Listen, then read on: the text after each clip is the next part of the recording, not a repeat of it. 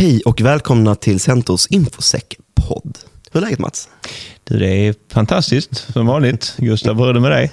Jo, men det är bara bra. Eh, Det är inte jag som varit uppe sedan klockan fyra idag. Nej, nej. Ändå imponerad att du står Ja, tack. Ja, men det, det, det, det var en fin morgon, får jag säga. Ja. Lite kyligt, men eh, in, inte den här eh, som, som vi kanske pratade om förra podden med eh, pumpkin spice latte, men eh, Nej, har inte riktigt blivit en sån för mig idag. Det, det får, får vänta lite med den tror jag. ja, jag har det på min önskelista också. Eller bucket list. Så du blir glad om jag köper en julklapp till dig eller? Ja, nej, jag precis innan. Så jag ska gå upp en prisklass lite om jag ska ge dig julklapp eller? Mm, jag får göra det. får göra det. Ja, men då får vi väl hitta, hitta en bra önskelista eh, till dig då. Absolut. Men eh, på tal om eh, lite önskelistor och så, det är lite personuppgifter och lite personligt vad, vad som finns där i. Eh, och i dagens avsnitt ska vi faktiskt prata om GDPR. Ja. Eh, och vi kommer lite från ett, ett perspektiv av eh, informationssäkerhet. Eh, och därför kommer vi alltid behöva en, en, lite, lite mer hjälp på vägen egentligen. Och det, mycket av det kommer från det juridiska. Eh, så därför har vi faktiskt med oss en expert idag. Hej Nelly! Hej, Hur är läget med dig? det är fint tack. Jag vill inte ha en eh, pumpkin latte till julklapp. Jag, du behöver inte höja prisklassen, men eh, nå- någonting annat vore nog trevligt. I lite hårdare paket kanske? Ja, liksom precis. En dryck. Precis. Det tycker jag ändå är rimligt. Men eh, berätta lite om dig själv Nelly. Ja, det kan jag absolut göra. Eh, Jag kommer från eh, Fondia. Jag är dataskyddsjurist där sedan augusti. Det är en fullservice affärsjuridisk byrå. Och så att vi gör, ja, sitter med alla möjliga typer av frågor. Allt från marknadsföring, GDPR, konsumenträtt, avtal och annat. Och har verksamhet både i Sverige men huvudkontor i Finland och även i de baltiska länderna. Superkul ju. Det är en perfekt mm, kandidat för att prata om GDPR just idag. Så det, det är vi väldigt glada för, eller hur? Mm. Ehm, och du, du nämnde lite, lite snabbt då vad, vad du gjort, men du hade också varit DPO, eller hur? Eller dataskyddsombud. Ja, det stämmer. Eh, Jag har varit dataskyddsombud på friskolekoncernen Academedia eh, och även bolagsjurist där. Och sen var jag även en sväng på ICA som eh, Data Protection Manager. Jag jobbade mycket med lojalitetsprogram och marknadsföring och GDPR såklart. Mm. Eh, Och sen testade jag även inkasso och kreditupplysningsbranschen på Säker kredittjänster som DPO. Mm. Men eh, som sagt, framförallt DPO de senaste åren. Mm. Mm. Så det är verkligen en, en salig blandning av olika företag, olika personuppgifter, olika vad ska man säga, personer som är involverade. Precis, det är det som är det roliga med GDPR, för att det lägger sig ju inom, som en filt över alla områden, som gör att man kan testa på helt olika verksamheter. Ja. Eh, Så det är det som är kul. Jag vet 2018 då, eller inför 2018, så var ju ja, många som arbetade med, med det, och givetvis för att bli compliant. Eh, Man var trevade lite grann kring vad det innebar. Man var inte säker, det fanns ingen Ja, det fanns ju inga riktiga case och man var ju osäker på lite grann hur det här skulle tolkas och sanktionsavgifter och annat. Och skulle du säga att det här har utvecklats sedan 2018 när man liksom, många känner att man kom i mål, men nu är vi klara. Vad har hänt sedan dess? Det är väl mycket så eh, man tänker, att man har tagit fram väldigt mycket dokumentation eh, inför eh, 25 maj 2018 när GDPR infördes. Och sen har man inte gjort så mycket mer, Mm. utan man har låtit det ligga. Mm. Eh, Så, så att vi ser ju nu att eh, många sitter och kämpar mycket med sina integritetspolicies och uppdaterar liksom det ramverket, eller vad jag ska kalla det. Eh, och eh, även mycket kring att liksom utvärdera sina leverantörer. Många som har kommit långt i sitt dataskyddsarbete och fått till den interna systematiken börjar nu titta på okay, men hur ser det ut med våra externa parter, till exempelvis då våra leverantörer. Eh, och även då så, såklart den stora frågan om tredjelandsöverföringar har varit eh, mycket uppe på tapeten. Mm. Så det är väl det som har tagit mest, mest fokus, skulle jag vilja säga, sedan 2018. Mm. Jag gillar att du säger systematiken, det är, det är sånt, sånt ord som jag brukar bli triggad på. Väldigt positivt i alla fall. Mm. Eh, men det är lite som du säger, att eh, sen 2018, eh, 25 maj, så har det faktiskt inte skett så pass jättemycket. Eh, utan det är ju att man, man kan fortfarande se också när man är ute på vissa hemsidor och se när den senast uppdaterad. Ah, men 26 maj 2018 och sen dess har det inte hänt så mycket. Men jag tycker att man möter väldigt många svårare frågor än man gjorde eh, då egentligen. Det är ju att eh, i och med mognaden har blivit eh, större så blir komplexiteten också större. Mm. Precis så. Och det, är- det är ju också det i ta- i takt med att eh, det kommer nya tillsynsbeslut och eh, domstolarna har tagit upp diverse beslut också.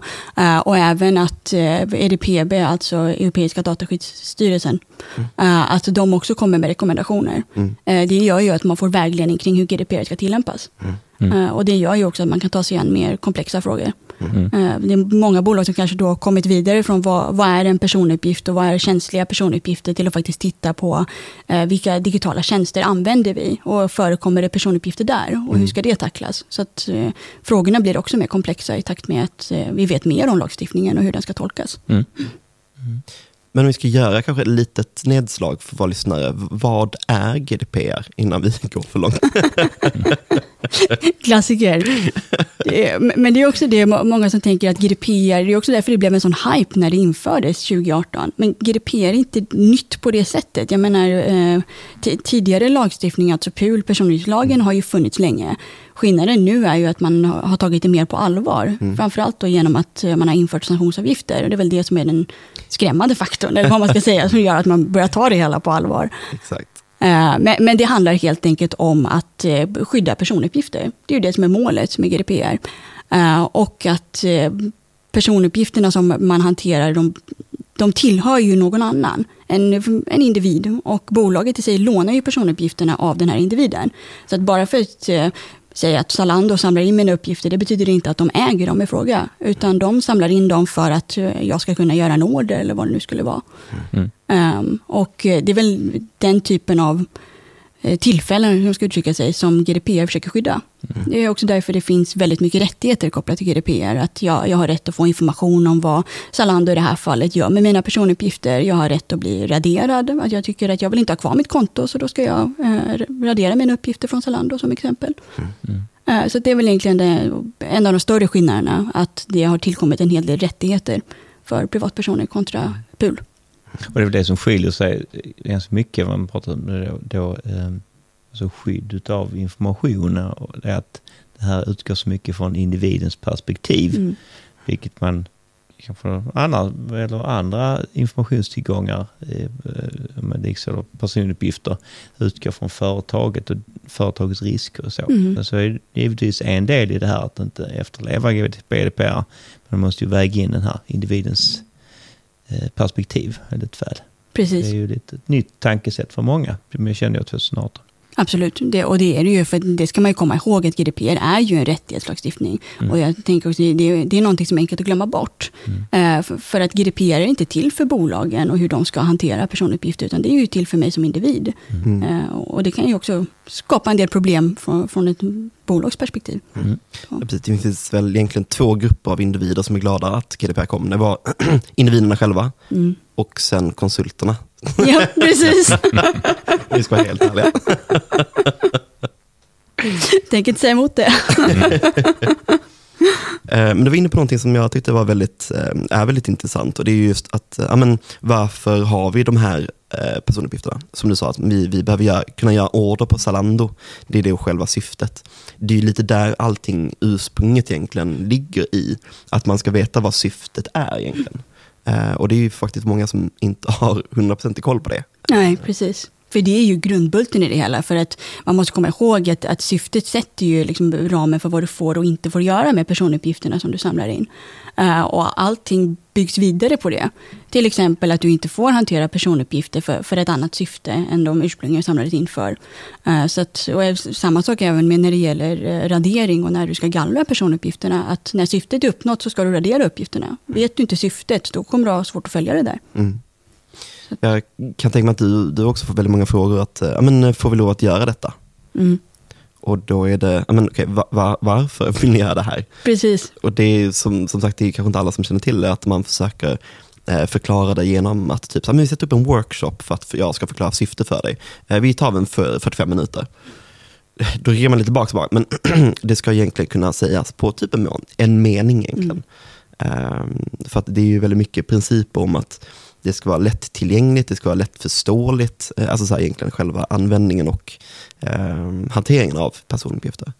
Eh, så syftet sätter ju verkligen som du säger eh, allting därefter. Ja, precis. Och det är ju viktigt också att eh, bolaget eller verksamheten faktiskt har koll på vad syftet är. Det, det är ju vanligt att man puttar över frågan till sitt dataskyddsombud eller någon annan som jobbar med dataskydd och säger okej, okay, men får jag göra det här utifrån GDPR? Mm. Eller snarare, vad, vad, får jag göra utifrån GDPR? Mm. Ja, fast lagstiftningen är inte byggd på det sättet, utan det handlar om att du måste själv ha kontroll över uppgifterna du samlar in och veta vad vill du göra.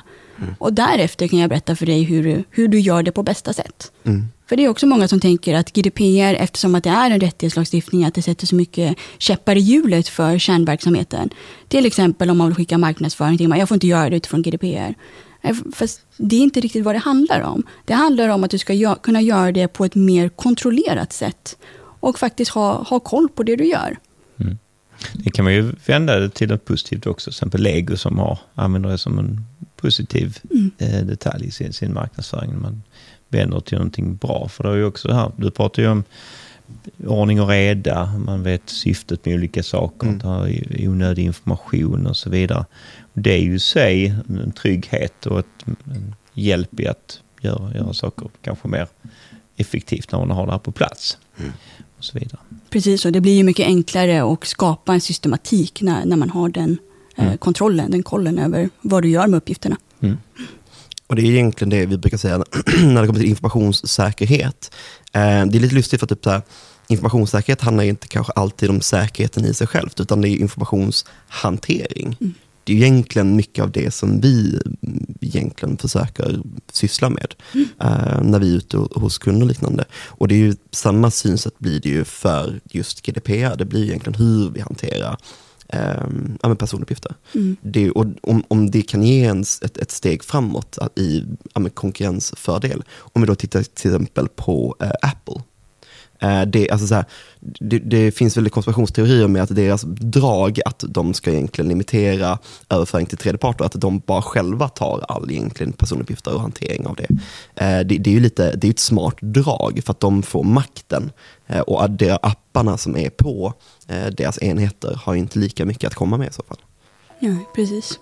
Så det kan, det kan ge ganska stora fördelar genom att ha koll på det också.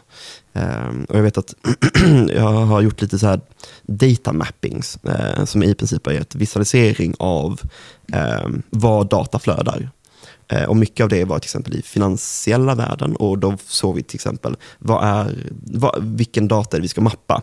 Uh, vilken, vilken data är viktigast för er? Ja, men det är personuppgifter. Det är Eh, kanske lite transaktionsuppgifter och liknande. Men det som var gemensamt var ju alltid att det var personuppgifter som vi vill mappa fram och tillbaka. Hur går det från system A till system B? Och sen så då, men, från ax till limpa, när vi ska ta bort den liknande. Det gav ju väldigt stor förståelse för själva verksamheten. Mm. Så det är väldigt positivt att faktiskt ha koll på men det är jättebra att du kommer in på det, för det är oftast det som är första steget när, när det gäller att faktiskt tackla GDPR. Ja. Steg ett är att kartlägga. Mm. Vad, vad är det för personuppgifter ni samlar in? Vad gör ni med dem? Och hur länge har ni dem? I vilka system? Det är alltid steg ett, att få koll. Mm. Sen kan man ju bygga vidare på det och faktiskt börja titta på, okej, okay, men vad kan vi kategorisera vilka personuppgifter vi samlar in? Är vi säkra på att vi får göra det här? Har vi laglig grund för att hantera uppgifterna? Uh, och sen då liksom titta i ett nästa steg, anlitar vi leverantörer som då tillhandahåller de här systemen som vi sparar informationen i? Uh, eller hur ser det ut där? Uh, sparas den informationen bara i Sverige eller pratar vi utanför EU nu? Mm. Mm. Så att all, allting liksom byggs vidare efter, efter kartläggningen som alltid är steg ett, mm. få koll. Mm. Nu är ju mycket av det här med överföringar till, till andra länder. Vi har en väldigt mycket i molnet idag och så vidare. Det leder oss in här på, nästa fråga. Hur, hur eh, vi har Schrems-dummar och, och, så vidare som gör det här eh, lite mer komplicerat. Mm. Vad skulle du säga, hur gör man rätt i allt det här? Ja, det är en väldigt, väldigt stor fråga. Ja. Eh, jag vet. det, det, det, har ju varit uppe på tapeten ett tag, med, framförallt efter då, liksom, Schrems-domen som kom, ja. eh, liksom mitt, mitt, under sommaren, som jag kan tänka mig förstörde många dataskyddsjuristers semester. um, och eh, där, där har EDPB kommit med en, en vägledning med sex olika steg om hur man faktiskt ska tackla den här frågan när det gäller överföringar utanför EU. Eh, för det, det, man ska komma ihåg är att det gäller inte specifikt USA, utan det gäller alla länder utanför EU, där EU inte har sagt att den här, det här landet har vad man kallar för en adekvat skyddsnivå, alltså att du får samma typ av skydd utanför EU som inom EU. Mm. För här tittar man också på GDPRs tillämpningsområde. GDPR gäller ju inom EU. Eh, och genom GDPR så får ju personuppgifterna ett visst skydd. Genom att du flyttar uppgifterna utanför EU så sänks skyddet. Vi, vi vet inte att det här mottagarlandet faktiskt har samma skydd som GDPR ger. Eh, och det är också därför du må, måste tackla det här genom eh, EDPBs sex steg. Som egentligen handlar om att du eh, först måste kartlägga vad, vad är det för överföringar som sker. Det är återigen på steg ett, bara att du från att titta internt inom bolaget börjar titta externt. Hur flödar personuppgifterna?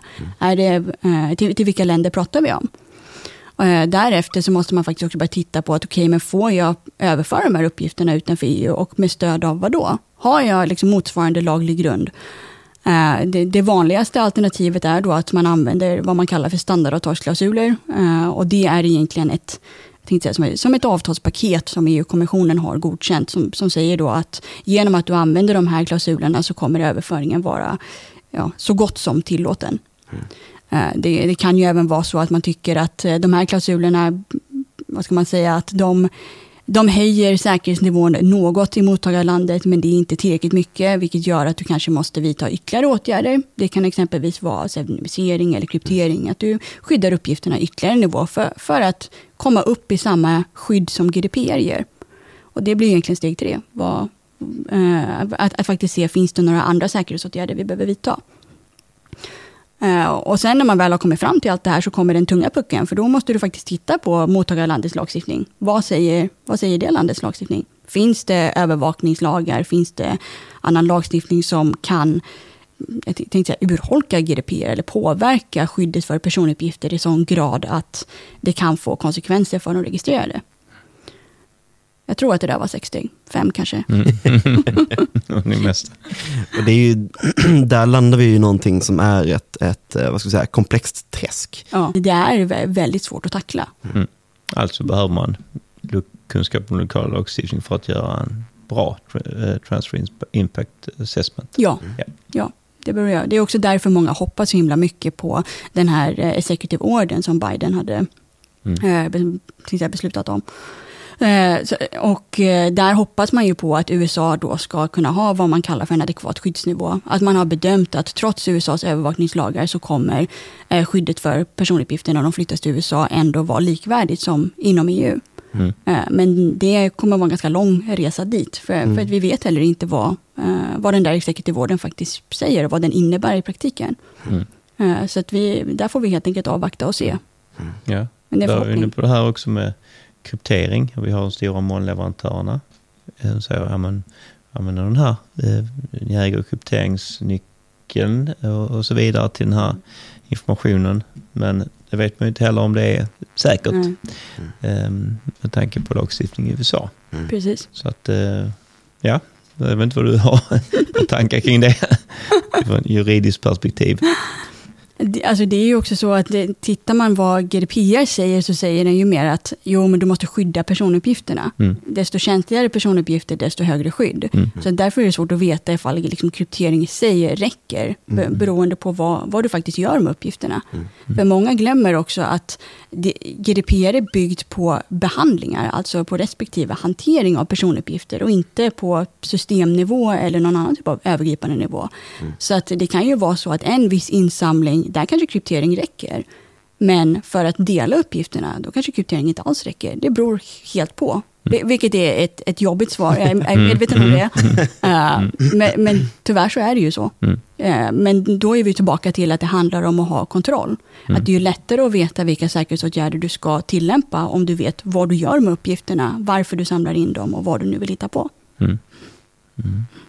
Och då var vi inne lite, vi, vi har snackat runt omkring det, Transfer Impact Assessment. Och det är väl vad jag vet en av de stora egentligen, uppdateringarna som kom eh, sen 2018. Då, då. Vi var lite inne på ämnet. Eh, men det, det är ju det är ju en komplex sak att egentligen göra, just en Transfer Impact Assessment. Ja. Eh, både utifrån ett, ett eh, juridiskt perspektiv men också ett säkerhetsperspektiv. Eh, för att som du säger, men vilken, vilken nivå är egentligen tillräcklig? Är just den här krypteringen tillräcklig? Som infosäckare så har inte vi heller stenkoll på vilken IT-säkerhet som finns på plats heller. Utan det, är- det är ju lagom svårt att hålla på med. Mm.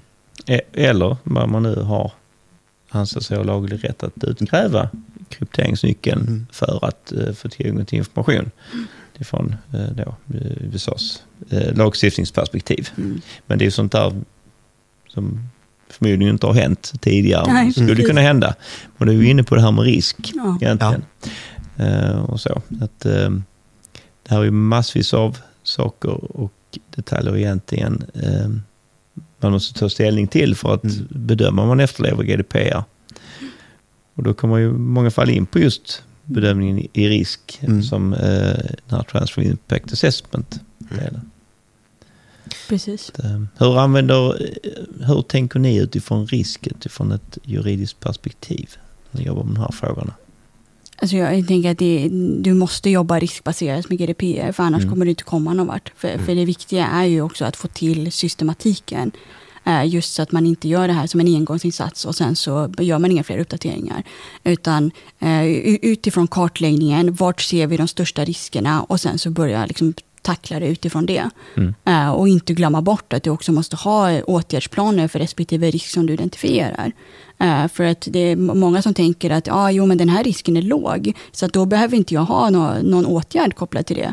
Mm. Fast jo, det behöver du naturligtvis ha, för att även fast det det är en låg risk så är det ju fortfarande en risk. Och du måste ju ändå kunna visa på att eh, du, du gör vad du kan för att minimera risken i fråga. Eh, Det är mycket det som GDPR handlar om också. Det är därför dokumentationskraven är så höga. Att faktiskt visa på ett tankesätt och ett, jag tänkte säga ett försök, och det var inte riktigt så jag menar, för det låter ganska hårt. Eh, men, men att man helt enkelt eh, har GDPR i beaktande, Mm. precis när det gäller informationssäkerhet också. Att man, att man tänker på det när man eh, tar affärsmässiga beslut. Mm. Eh, Så att man har, har det som en faktor i bedömningen. Ja. För det är ju väldigt intressant. Ofta brukar vi ju göra en, en riskanalys när vi först går in och, och hjälper företag. Då då. Eh, ofta när det kommer till implementation av just eller system för informationssäkerhet. Eh, och där är det många företag som då certifierar sig. Eh, och man kan säga att det som är viktigast egentligen är att eh, man har identifierat risken och att man har en, som du säger, åtgärdsplan. Det är inte så att man inte ska ha några risker kvar. Då, alltså så här, då hade inte ett företag funnits kvar vid liv i princip. Eh, och då hade ingen kunnat få då den här certifieringen mot ISO 27001. Då. Eh, utan det revisorn då kommer säga är att men här har ni en åtgärd, eller här har ni en risk som inte har en åtgärd. Eh, ni har inte accepterat risken, ni har inte gjort någonting med den. Det här är en observation från oss. Och det är väl lite liknande då som tillsynsmyndigheter, eller YMI till exempel, eh, kollar på. Då. Precis så. Eh, för- att det viktiga är ju också att kunna följa upp det löpande, så man också ser att åtgärderna man, man vidtar faktiskt ger effekt. Exakt. Eh, Och då, då, då är vi tillbaka till systematiken. Mm. Mm. Eh, Att, att du har ett fungerande årshjul för v- vilka policydokument som ska revideras när. När du genomför de här riskanalyserna, både liksom konsekvensbedömningar om det är så att eh, behandlingen är en, innebär en hög risk. N- när ska de revideras? Eh, kan det vara så att någonting har ändrats som gör att vi behöver uppdatera dokumentationen? Mm. Eh, Så att all- allting handlar om att få till ett, ett löpande arbete som då är baserat på vi, vilka risker som bolaget ser. För, för det kommer ju ändå vara det perspektivet som gäller. Så att, eh, ja. Och det är lite, du, du nuddade, snuddade vid ämnet med att just att, men finns, kan du egentligen påvisa att du gjort någonting? Mm. Kan du påvisa att du har dokumentation, att du har tänkt kring den här risken? Så kan man nog ta bort en nolla från sanktionsavgiften, eller Ja. att det inte blir en sanktionsavgift. Precis, för, för att tittar man på de eh, tillsynsbeslut som har kommit så ser man att de bolag som faktiskt har alltså, påbörjat ett arbete, eh, d- där ökar risken att, nu ska vi se här så att, så att det blir rätt, att, att eh, risken blir mindre att du får en större sanktionsavgift. Mm. Eh, tittar vi exempel på när IMU granskade eh, åtta vårdgivare. Den enda vårdgivaren som inte åkte på en sanktionsavgift det var Kry. Och, och det var framförallt för att de hade påbörjat sitt, eh, sitt arbete med att genomföra en riskbedömning. Sen följde IMU såklart upp det och tyckte att ni har kommit väldigt långt i ert arbete och vi ser inte att det finns ett behov av att utfärda en sanktionsavgift här. Eh, för att tanken med avgiften är ju också att den ska vara avskräckande för att du ska göra om, göra rätt helt enkelt. Mm. Och här så såg man ju att Kry hade gjort rätt. De var, de var inte helt i mål, men de hade påbörjat sitt arbete. Mm. Eh, och därför så såg inte IMU något behov av att utfärda en avgift. Och skulle det vara ditt, ditt vad ska man säga, främsta tips egentligen, om man eh, ska ge lyssnarna lite tips hur man ska jobba med GDPR?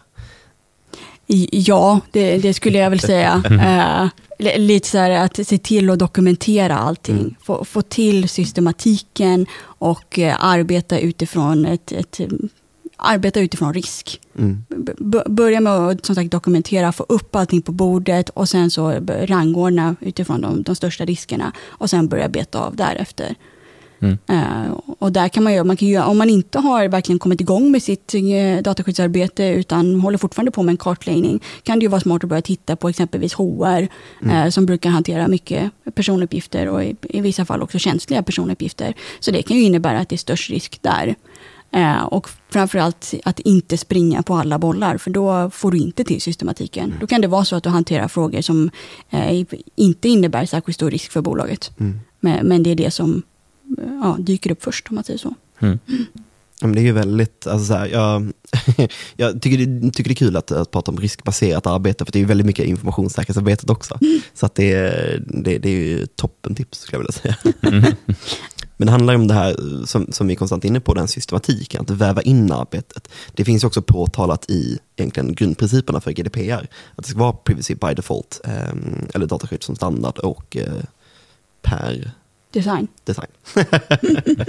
så det, det ska ju liksom vävas in, det ska bli den här systematiken. I, oavsett vad man än gör så ska man ändå ha det i beaktande.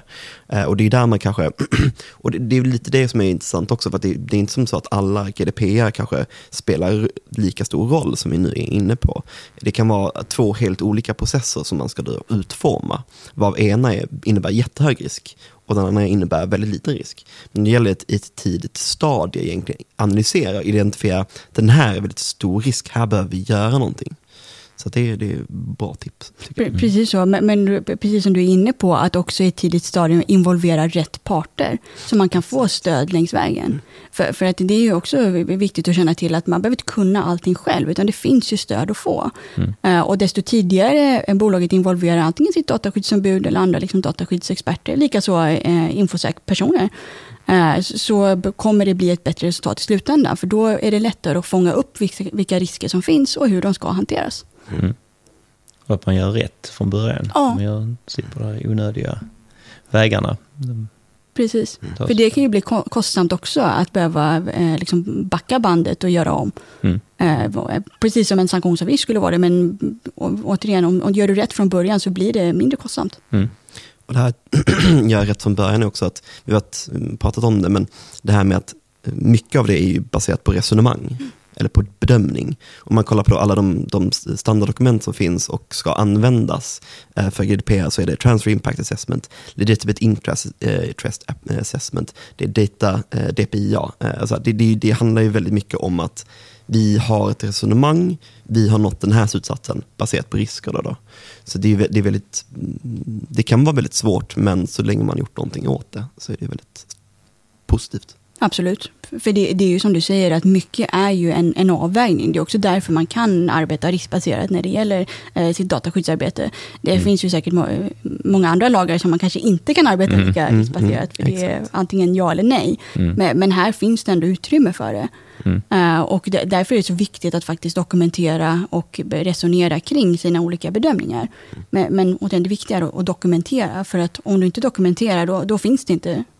Det, det är ju viktigt att eh, tänka på att skulle det bli en tillsyn av IMI så kommer de begära ut handlingarna. Och har du inte dokumenterat resonemanget, ja, då kommer du få problem.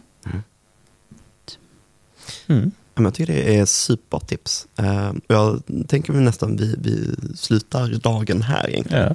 Eh, vi, vi, vi, kan, ju- vi, har- vi kan prata om GDPR i timmar, Eh, men jag tycker det är en väldigt bra överblick. Över, Ja. eh, över tycker det. jag. Och bra, bra tips och mycket kring struktur. Vi ta med oss. Systematik. Systematik, precis så. Systematik. Ja. Det är väl ledordet för det här avsnittet, systematik. Exakt. Men tack så jättemycket för att du var med idag Nelly. Tack. Och tack kära lyssnare att ni har varit med oss idag. Tack. Ha det så bra.